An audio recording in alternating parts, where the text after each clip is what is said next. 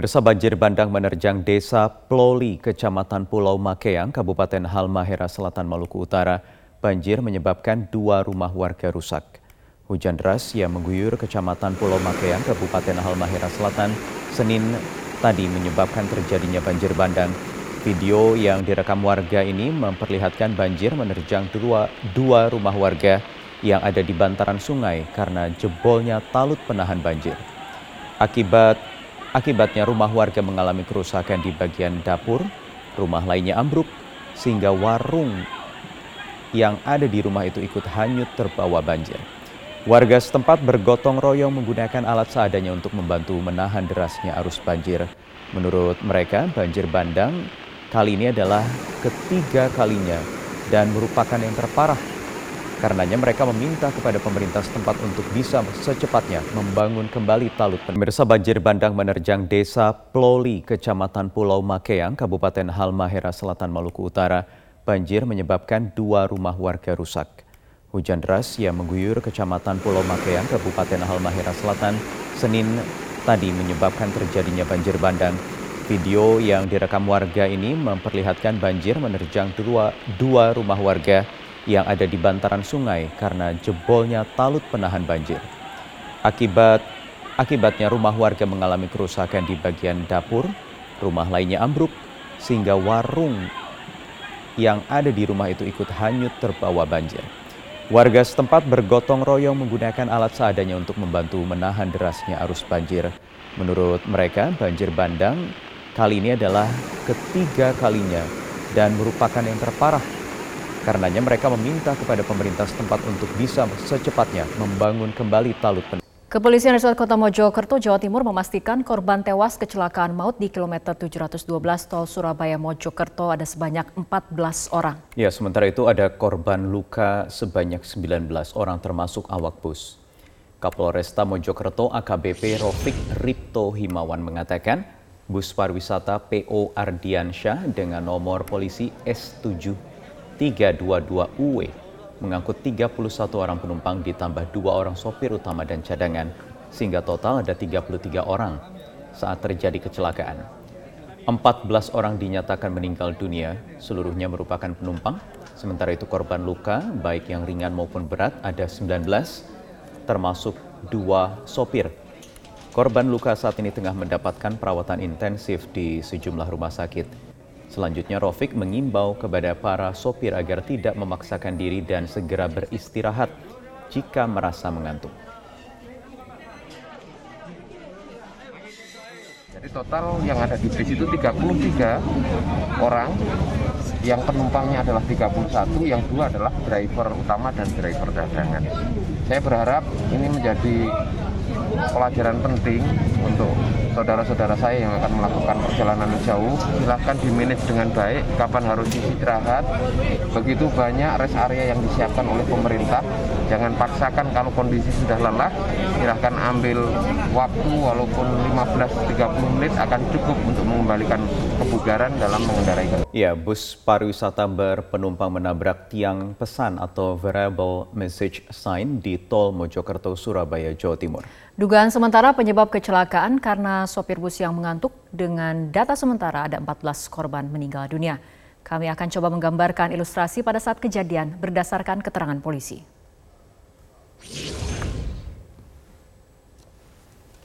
Bus pariwisata PO Ardiansyah dengan nomor polisi S7322UW melaju dari arah barat menuju timur atau dari Jombang menuju Surabaya.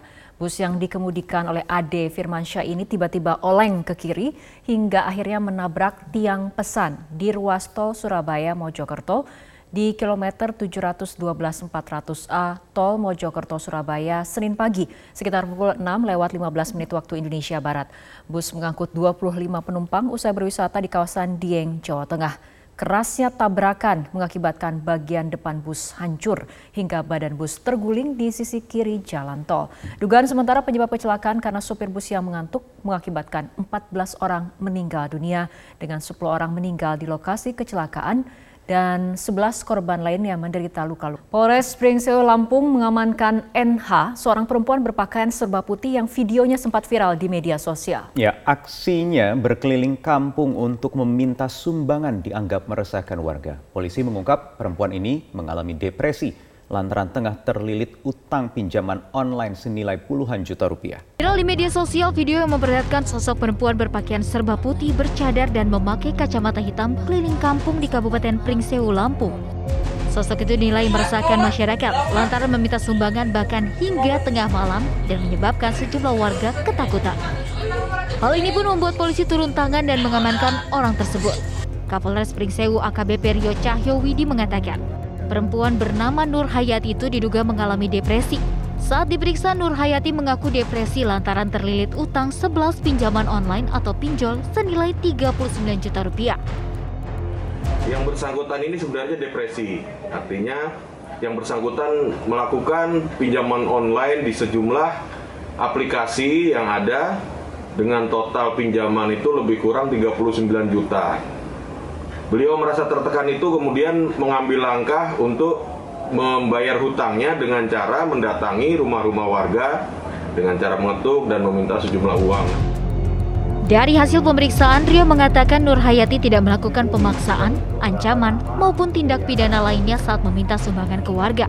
Nur Hayati akhirnya meminta maaf kepada masyarakat atas aksi yang dinilai meresahkan. Permintaan maaf itu disampaikan Nur Hayati usai polisi menangkap dan memeriksa Nur Hayati. Saya meminta maaf kepada warga Lampung, khususnya warga Kabupaten Tingsewu, karena saya telah dianggap meresahkan warga Kabupaten Tingsewu.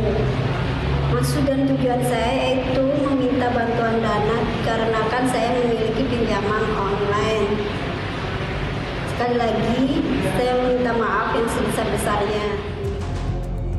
Polres Pringsewu telah berkoordinasi dengan pihak keluarga Nur Hayati untuk memastikan agar Nur Hayati tidak mengulangi aksinya yang meresahkan warga. Kepolisian mengimbau kepada warga untuk tidak panik dan takut apabila ada kejadian serupa dan meminta untuk segera melapor ke aparat kepolisian. Pemain ganda putra Indonesia Muhammad Hasan dan Hendra Setiawan pamit dari ajang Thomas Cup. Ya, mereka mengatakan Thomas Cup 2022 adalah momen terakhir mereka berlaga di kejuaraan bergu itu. Lewat akun Instagramnya Muhammad Ahsan mengatakan, bahwa Thomas Cup 2022 adalah panggung terakhir dirinya membela Indonesia. Asan juga mengucapkan terima kasih kepada PBSI yang telah memberikan kepercayaan kepadanya. Hal serupa juga dilakukan oleh Hendra Setiawan, pria berusia 37 tahun itu menyebut bahwa Thomas Cup 2022 adalah laga terakhir dirinya bersama tim Indonesia. Pasangan dengan sebutan The Daddies ini sudah menjadi tulang punggung bulu tangkis Indonesia di ajang internasional. Di ajang Thomas Cup 2022, duet ini berhasil mengantarkan tim Garuda lolos ke babak penyisihan grup A melawan Thailand. Sementara itu Indonesia harus puas menjadi runner-up Thomas Cup 2022 usai kalah dari India di laga final yang digelar di Impact Arena, Bangkok, Thailand.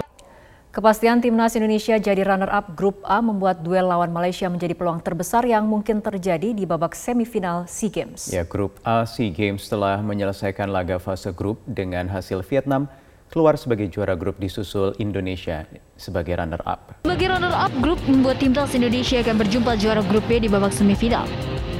Kepastian lawan timnas Indonesia sendiri baru akan diketahui pada Senin nanti. Malaysia yang saat ini mengoleksi 7 poin dan duduk sebagai pemuncak klasmen grup B unggul satu poin atas Thailand yang ada di posisi kedua. Malaysia juga sudah menggenggam satu tiket ke babak semifinal. Di laga terakhir, Malaysia bakal bertemu Kamboja yang masih punya asa sangat tipis untuk lolos ke semifinal. Bila Malaysia menang melawan Kamboja, otomatis Malaysia akan lolos sebagai juara grup dan bakal berjumpa Indonesia. Sedangkan pergantian posisi di puncak klasmen bakal terjadi bila Malaysia gagal menang lawan Kamboja dan di sisi lain Thailand menjungkalkan Laos. Kedati demikian, pelatih timnas U23 tak akan ambil pusing dengan siapa lawan di babak semifinal nanti. Baik Malaysia ataupun Thailand, Sintayong mengaku tak akan ambil pusing. Kepuasan masyarakat terhadap kinerja Presiden kian merosot ke level 58 persen. Tergerusnya tingkat kepuasan terhadap kinerja Presiden Joko Widodo salah satunya disebabkan harga minyak goreng yang melambung Meski ketersediaan minyak goreng di pasar semakin banyak, harganya masih jauh dari terjangkau. Hal ini terangkum dalam hasil survei Indikator Politik Indonesia tentang drama minyak goreng dan kepuasan publik terhadap kinerja Presiden. Berdasarkan hasil survei, sebanyak 53,8 persen responden menyatakan harga minyak goreng saat ini kurang terjangkau, sementara 19 persen responden lainnya menjawab harga minyak goreng saat ini tidak terjangkau sama sekali. Dengan demikian, terdapat 72,8 persen responden yang merasa harga minyak goreng belum terjangkau. Selain memotret keluhan masyarakat terhadap harga minyak goreng, hasil survei ini juga menyatakan tingkat kepuasan masyarakat terhadap Presiden Joko Widodo pada kembali turun menjadi 58,1 persen dibanding 64 persen pada hasil survei sebelumnya.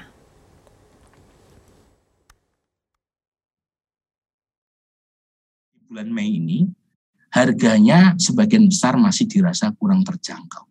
Jadi tingkat kesulitannya menurun untuk mendapatkan minyak goreng, tetapi dari sisi harga itu di luar keterjangkauan rakyat.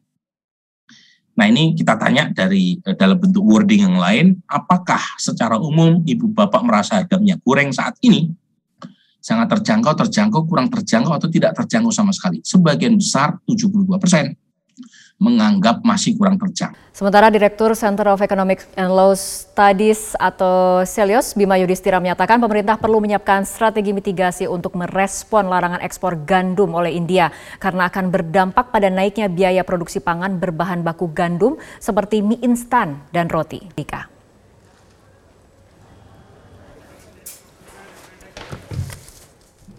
Bagaimana India pun mengutamakan masalah soal stabilitas pangan di dalam negerinya dan ini akan jadi pelajaran bahwa Indonesia juga harus memikirkan ketahanan pangan dalam jangka waktu yang sangat panjang tidak ber, terlalu bergantung pada impor yang suatu saat kejadian India melarang secara unilateral atau sepihak bisa terjadi lagi.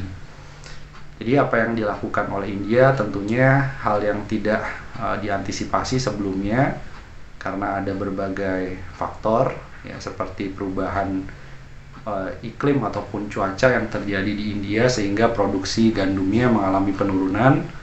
Jadi Indonesia harus bisa memperkuat ketahanan pangannya karena kita punya banyak sekali substitusi dari gandum, ada dari tapioka, kemudian dari jagung yang ini bisa diproduksi lebih besar lagi untuk menutup gap kekurangan pasokan dari gandum atau mahalnya harga gandum apabila gandum